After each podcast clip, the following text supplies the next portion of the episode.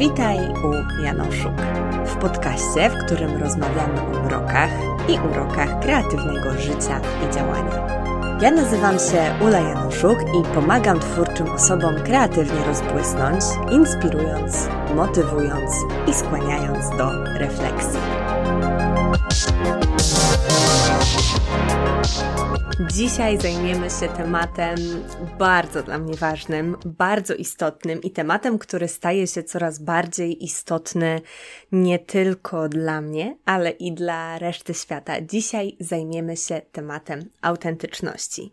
I osoby, które oglądają ten odcinek na YouTubie, no właśnie, oglądają, mogą zauważyć rewolucję w moim podcastowaniu, o ile wstawię to w tej wersji wideo, bo to moja absolutnie pierwsza próba. Podcast od dzisiaj będzie miał też wersję wideo, będzie miał też wersję filmową, także jeżeli macie ochotę pooglądać, jak opowiadam, to serdecznie zapraszam Was na YouTube'a, tam będę w tej formie działać. No i dzisiaj zaczniemy sobie od tematu, który jest dla mnie niesamowicie ważny, czyli od tematu autentyczności. I Mam wrażenie, że coraz silniej ta moda na autentyczność pojawia się nie tylko w tej sferze mm, osób kreatywnych, nie tylko w tej sferze osób, które gdzieś tam na bazie tej autentyczności tworzą swoją sztukę, ale że coraz mocniej przechodzi do mainstreamu.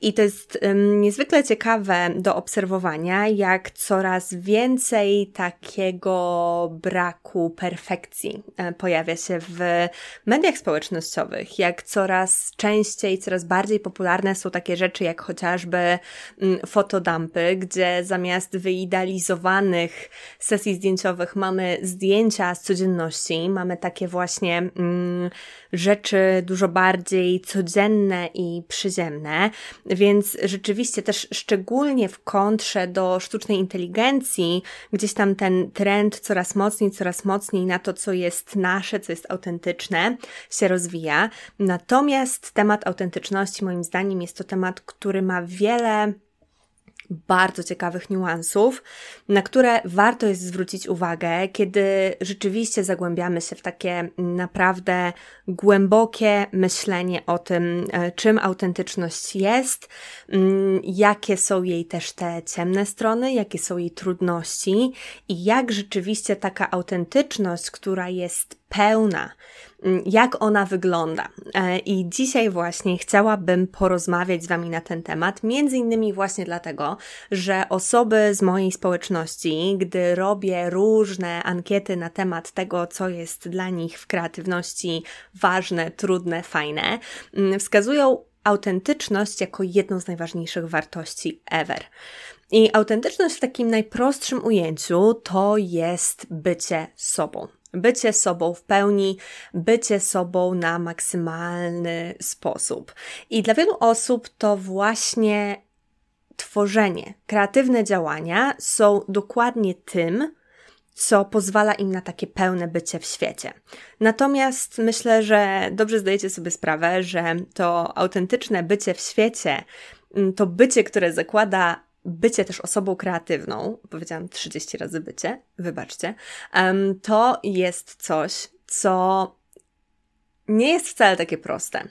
I świat lubi autentyczność, o ile ona mimo wszystko wpisuje się w pewnego rodzaju schematy i w pewnego rodzaju granice, kiedy ta autentyczność jest bezpieczna, kiedy ta autentyczność jest użyteczna, kiedy ta autentyczność jest w zgodzie z tymi granicami, które są dla nas wytyczane. I e, wiecie, ta autentyczność, ona robi się coraz bardziej użyteczna, ponieważ my zaczynamy coraz bardziej lubić rzeczy, które nie są właśnie wymuskane.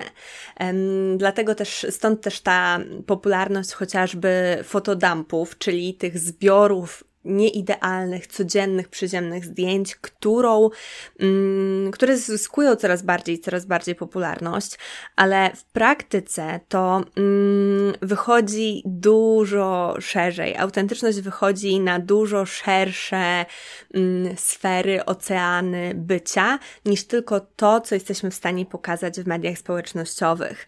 I wiecie, y, skoro my coraz bardziej lubimy oglądać to, co jest autentyczne, ponad wymuskane sesje zdjęciowe lubimy mm, czyjeś rzeczywiste życia, e, selfie zrobione bez makijażu, czy cokolwiek, jakiś e, obrazek z codzienności, no to łatwo jest to zacząć spieniężać i bardzo łatwo jest to zacząć monetyzować. Stąd też myślę popularność User Generated Content, UGC. Możecie się spotykać z tym określeniem coraz częściej i częściej, bo jest to coś takiego, czego coraz więcej osób uczy. To jest content, to są materiały treści, które robią firmom użytkownicy, mm, zwykłe osoby, nie? Takie osoby, które nie są influencerami. O tak, osoby, które po prostu korzystają z tych rzeczy na co dzień.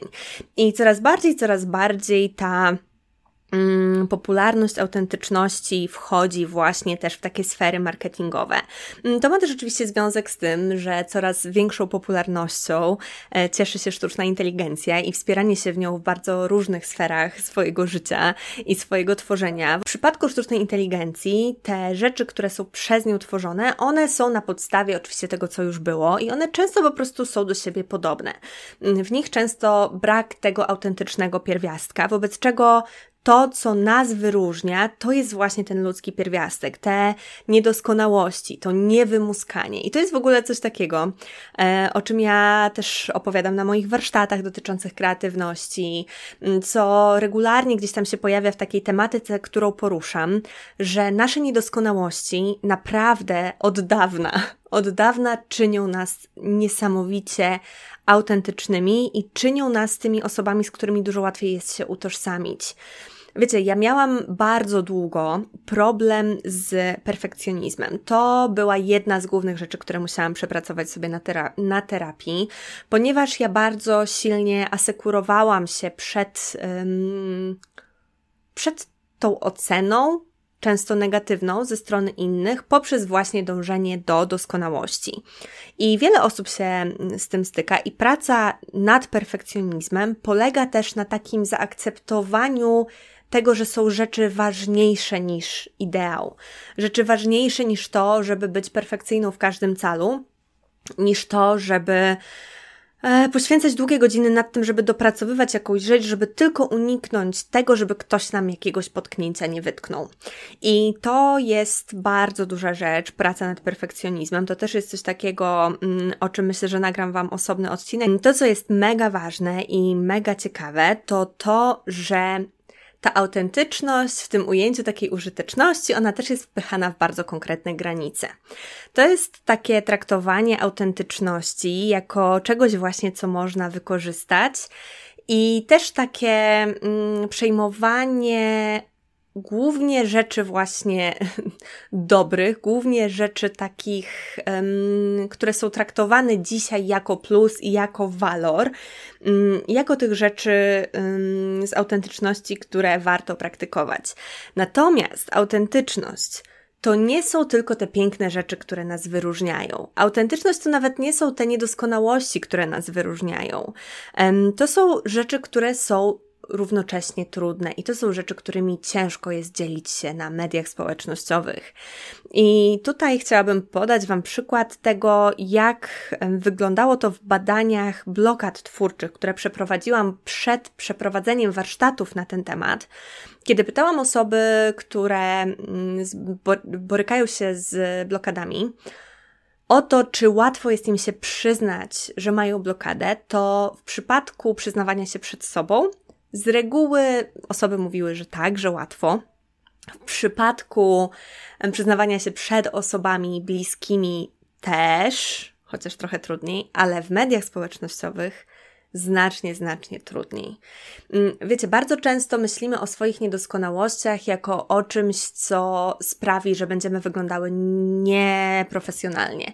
Jako o czymś, co sprawi i przesądzi o tym, że osoby, które potencjalnie mogłyby być na przykład naszymi klientami, się na to nie zdecydują, bo uznają, że skoro nie działamy ciągle na tym najwyższym poziomie, no to znaczy, że coś z nami jest nie tak i, i jesteśmy nieprofesjonalne. Więc autentyczność bardzo często kończy się tam, gdzie zaczyna się rzeczywiste pokazywanie tego, gdzie mamy trudności. I chociaż takie mm, popełnianie błędów, czy właśnie jakieś takie mm, ludzkie aspekty wykonywania rzeczy, chociażby, nie wiem, plastycznie, nie? Chociaż one są rzeczywiście czymś, co coraz łatwiej jest nam pokazywać, to kiedy przychodzi do takiego patrzenia na mm, te trudne aspekty kreatywności i pokazywanie tych trudnych aspektów kreatywności, to robi się nam coraz, coraz trudniej. I no, autentyczność to jest pokazywanie tych rzeczy pomimo. To jest pokazywanie tych rzeczy pomimo tego, że mamy takie poczucie, że coś nam może nie wyjść, że ktoś może nas jakoś ocenić. I w praktyce bardzo często wychodzi na to, że wcale to nie jest tak, że mm, przez to, że my przyznamy się do błędu, czy nie, do niedoskonałości, czy do jakiegoś spadku energii, spadku kreatywnej siły, to, że ludzie od nas odejdą. I nie ma tak naprawdę innej drogi niż przekonywanie się. Ale to bycie kreatywne, e, kreatywne bycie autentycznie w świecie, ono było też tym, co ja praktykowałam, ale w pewnym zakresie. Bardzo często ta autentyczność, na którą sobie pozwalamy, e, ta autentyczność, którą pokazujemy światu, to nadal jest autentyczność, która jest z jakimiś ograniczeniami. To jest autentyczność, która jest wciąż bezpieczna, która wciąż jest w jakichś granicach akceptowalności. To jest taka autentyczność, która nie jest tym zanurzeniem się w pełni w to, kim jesteśmy i pokazywanie po prostu z wszystkimi dziwnostkami i mankamentami tego, kim jesteśmy, ale to jest ta autentyczność, która jest w jakiś sposób spreparowana na rzecz bycia w mediach społecznościowych. I niezależnie, czy jesteście osobami, które pokazują swoją kreatywność e, na Instagramie, czy jesteście osobami, które w jakiś inny sposób tą swoją autentyczność w świecie pokazują, to bardzo często my tę autentyczność ograniczamy i docinamy do tego, jak myślimy, że inni chcieliby nas widzieć, jak my też chciałybyśmy być widziane przez świat. ja miałam tak bardzo, bardzo długo, że będąc w bliskich kontaktach z moimi przyjaciółkami, ja czułam taką dosyć dużą lekkość, taki um, dosyć właśnie miły, bezpieczny vibe, który dawał mi możliwość bycia w pełni z nimi. Ale kiedy próbowałam w ten sam sposób działać na Instagramie, to te rzeczy w ogóle nie rezonowały z ludźmi. Pamiętam doskonale taką, mm, takie jedno stories, które wrzuciłam, które było właśnie takim moim pełnym, bezkompromisowym byciem w świecie. I pamiętam, że to w ogóle jakby zero reakcji, nie? I dopiero po takiej, takim gruntownym przepracowaniu sobie tego, że ja w rzeczywistości boję się być widoczna, że ja w rzeczywistości boję się pokazać taką, jaką jestem w pełni, ponieważ boję się tego, że ludzie, kiedy zobaczą mnie w pełni, to mnie skrytykują i to mnie ocenią, i wówczas oni naprawdę będą mieli solidne podstawy, żeby to zrobić, bo oni będą widzieć, jaka jestem naprawdę. Więc wiedziałam, że wówczas ta potencjalna krytyka dotknie mnie do żywego. I dopiero zdając sobie sprawę z tego, że ja boję się być widziana, boję się być dostrzeżona taką, jaką jestem naprawdę, dopiero wówczas zaczęłam działać autentycznie na pełnej. I serdecznie polecam Wam powrót do odcinka Nawiedzona Artystka. To jest odcinek, który wyszedł na zeszłoroczne Halloween. To jest odcinek, w którym ja Wam opowiadam o moim strachu przed byciem nazwaną nawiedzoną artystką. I to jest bardzo, myślę, powszechny strach osób twórczych, którym zależy na wyrażaniu się w świecie, a często będąc osobami twórczymi też mamy taką potrzebę bycia docenionymi za to, kim jesteśmy i co robimy. I bardzo często boimy się tych potencjalnych przezwisk, tych potencjalnie trudnych słów, którymi możemy zostać nazwane, bo to są te słowa, którymi bardzo często jesteśmy usadzane, usadzani na miejscu. E, najczęściej myślę, że jednak kobiety, i wiem też, że większość, większość osób, które mnie obserwują mm, i słuchają podcastu, to są kobiety, więc będę mówić o e, tej kobiecej stronie o tym, że bardzo często my jako kobiety jesteśmy mm, straszone trochę takimi um, trudnymi komentarzami, które pojawiają się, um, mogą pojawić się ze strony świata. I to było dokładnie to, czego ja się bałam. Ja bałam się być nazwana nawiedzoną artystką, ponieważ ten stereotyp właśnie takiej osoby artystycznej, która ubiera się jak chce, która robi co chce, która działa jak chce i nie boi się bycia mm, dostrzeżoną, to jest taki, tak, taki stereotyp, e, który w mojej małomiasteczkowej mm, mentalności, małomiasteczkowej mentalności, w której się wychowywałam, żyjąc przez pierwsze lata swojego życia w małej miejscowości na Podlasiu, to było coś, czego ja się potwornie bałam. To jest też to, w jaki sposób były mm, oceniane osoby przez najbliższą mi rodzinę. Takie osoby, które właśnie się wyrażały, były bardzo często oceniane jako te no, nawiedzone artystki. I ja bardzo się tego bałam, bardzo się bałam bycia tak nazwaną. Ale wiecie, to są często też takie nazwy, którymi nas właśnie najczęściej kobiety się ucisza. Takie rzeczy jak na przykład egzaltowana. E, takie rzeczy jak chociażby głośna, jak odstawiona.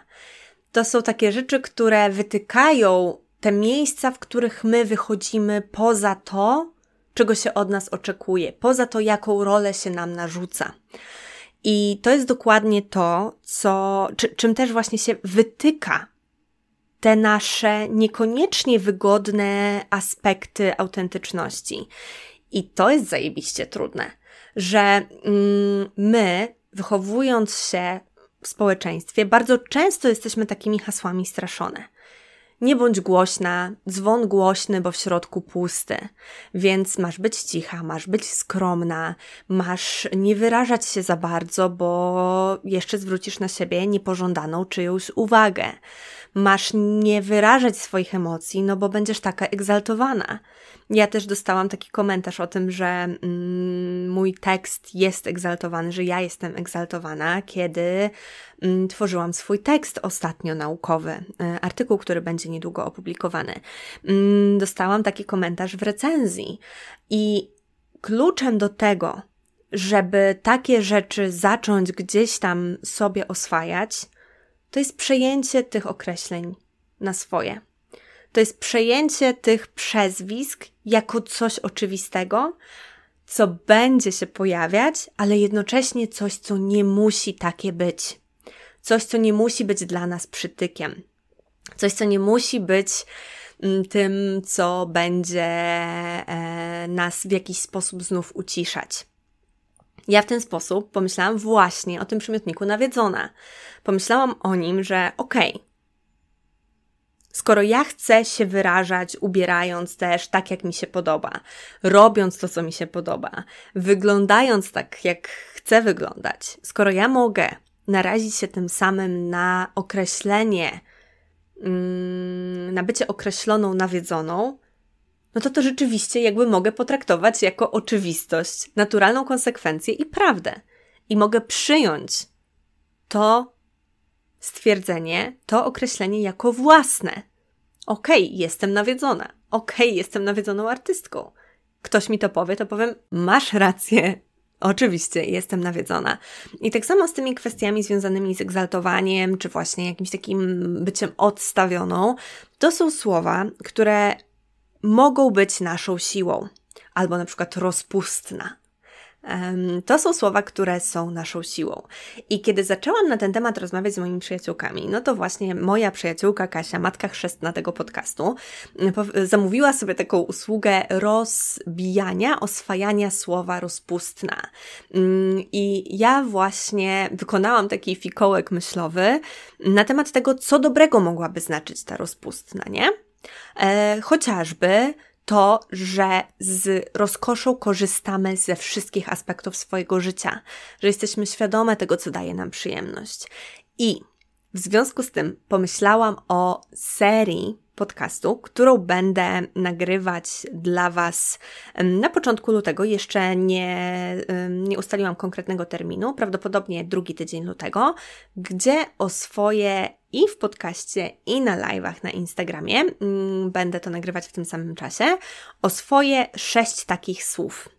E, tych brzydkich słów, po to, żeby nauczyć Was też tego schematu, rozpracowywania takich rzeczy i przyjmowania ich na własność.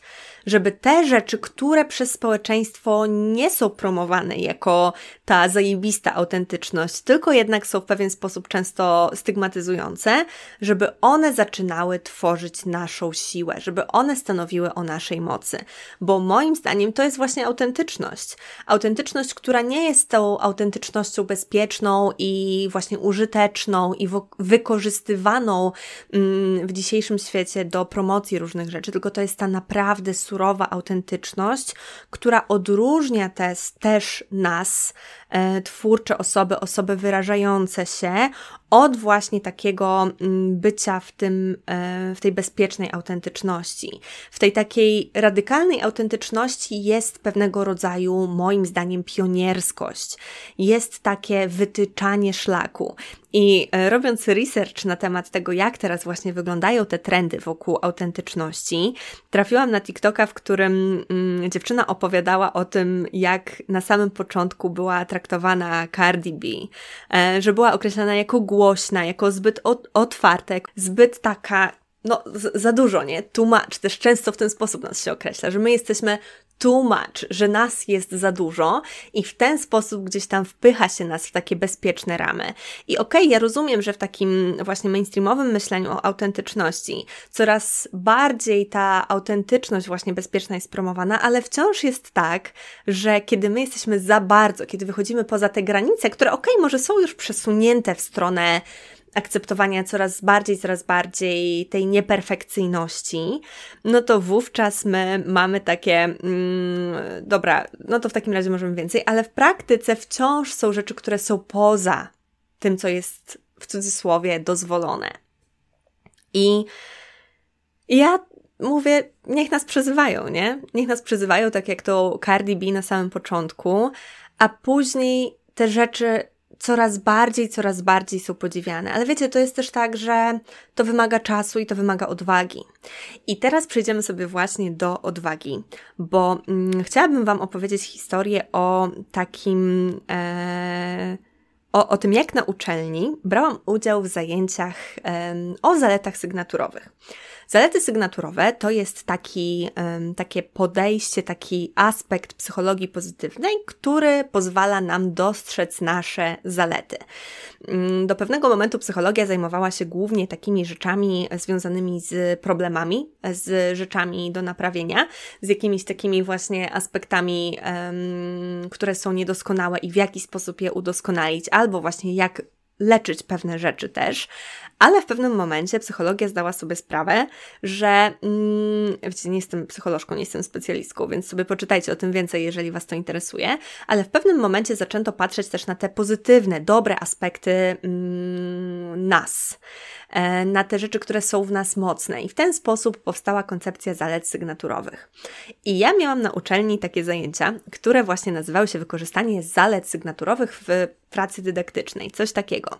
No ja tam musiałam zrobić teścik, który Wam podlinkuję w opisie tego odcinka mm, test zalet sygnaturowych i tam w tym teście to było dla mnie szokujące, bo na pierwszym miejscu, jako pierwszą zaletę sygnaturową ever we wszystkich moich e, zaletach była autentyczność.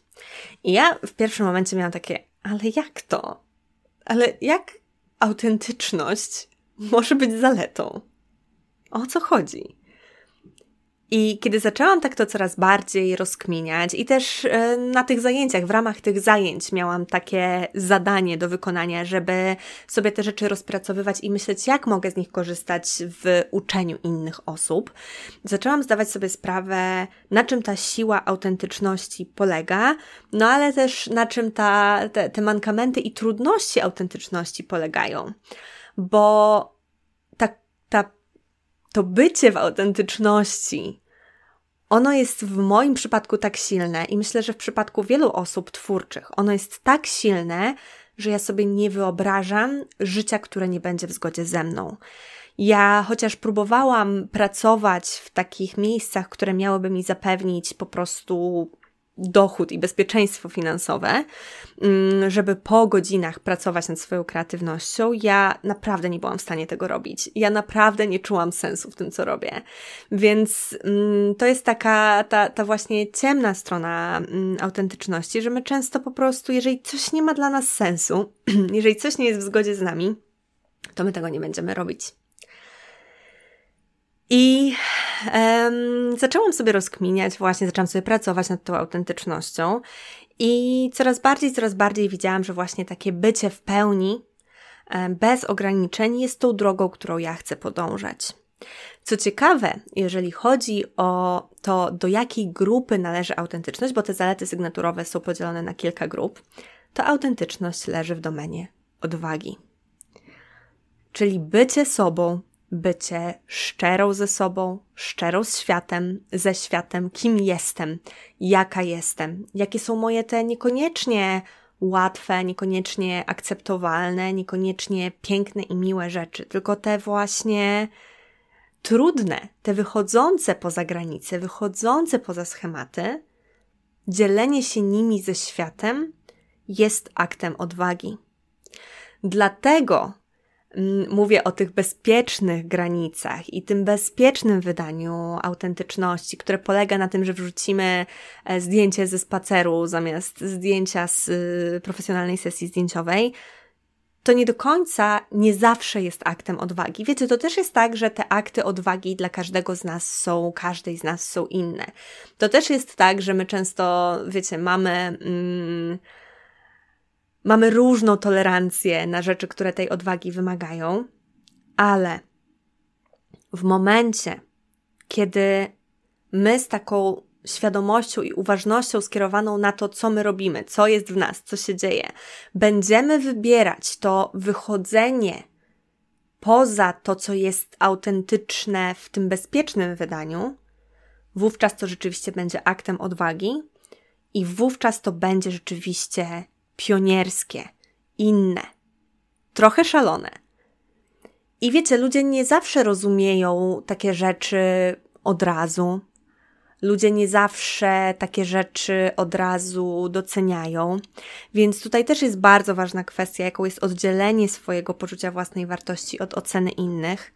To też jest e, temat, który już wielokrotnie gdzieś tam w różnych odcinkach Wam sygnalizowałam i to jest temat, nad którym też pracuję z uczestniczkami moich warsztatów, więc jeżeli to jest coś, co Was interesuje, to zapraszam do zagłębiania się w inne treści, ale naprawdę bardzo, bardzo, bardzo jest to ważne, żeby w momencie, kiedy ludzie tej naszej autentyczności jeszcze nie łapią, kiedy ona jest negatywnie oceniona, albo wręcz, co często jest trudniejsze dla artystek, mm, niezauważona, e, to żeby mimo to działać.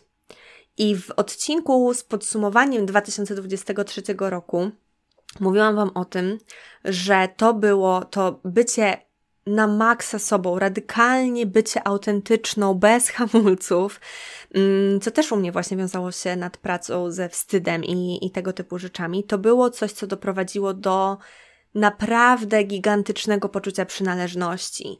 I to, to bycie autentycznie sobą w pełni, bez takiego właśnie asekurowania się tym, co jest akceptowane, pozwala nam trafiać na osoby, które naprawdę będą z nami rezonować. Daje gigantyczne poczucie przynależności i daje to niesamowite poczucie też tak naprawdę miłości, takiego współbycia z drugim człowiekiem i tej świadomości, że ja będąc tą drugą osobą, ja jestem na maksa sobą.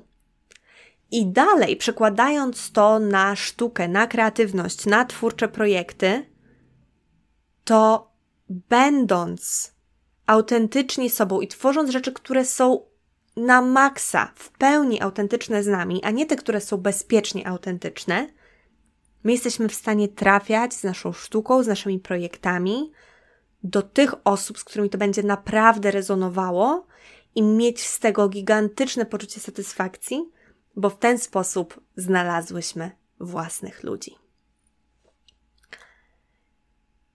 Więc podsumowując, Autentyczność to nie jest tylko brokat i pokazywanie się mm, w takiej właśnie akceptowalnej społecznie formie autentycznie. To nie są tylko fotodampy, to nie jest tylko mm, robienie zdjęć chociażby na co dzień, czy robienie jakichś rzeczy, które właśnie są niedoskonałe, ale to jest takie wejście all in w to, kim jesteśmy. I to wymaga odwagi, to nie jest proste, ale zaręczam Was, będąc po tej drugiej stronie barykady, że naprawdę to jest niesamowicie piękne doświadczenie, to jest niesamowicie ważne i to jest niesamowicie wartościowe. I to tyle na dziś. W międzyczasie zdążyło się e, ściemnić dla osób, które oglądają mnie w wersji wideo. Tak, zaszło w międzyczasie słońce, nie wycyrklowałam tego za dobrze, ale myślę, że mm, i tak Postaram się wrzucić to w formie wideo, też właśnie niedoskonałej, też żeby praktykować moje wychodzenie poza perfekcjonistyczne zapędy. Mm, mam nadzieję, że ten odcinek pozwolił Wam tak też e, przeanalizować to, jak wygląda w Waszym przypadku autentyczność. Mm, polecam Wam też zastanowić się, jak w takiej najbardziej radykalnej formie wyglądałaby Wasza autentyczność, taka właśnie, w którą wchodzicie bez hamulców i nie musicie od razu tego robić, od razu po prostu, wiecie, jechać na przypale albo wcale, ale możecie krok po kroku, każdego dnia decydować się robić tą rzecz, która jest dla Was autentyczna.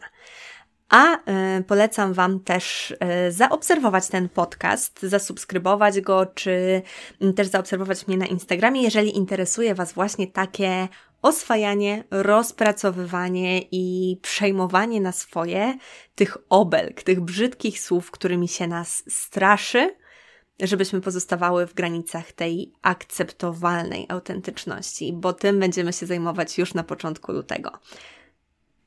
I to tyle. To było bardzo ciekawe doświadczenie. E, cieszę się, że się na to dla Was zdecydowałam. Możecie dać znać, jak Wam się taka forma wideo podoba. No, e, a osoby, które słuchały też e, tylko i wyłącznie audio, to oczywiście e, też serdecznie pozdrawiam.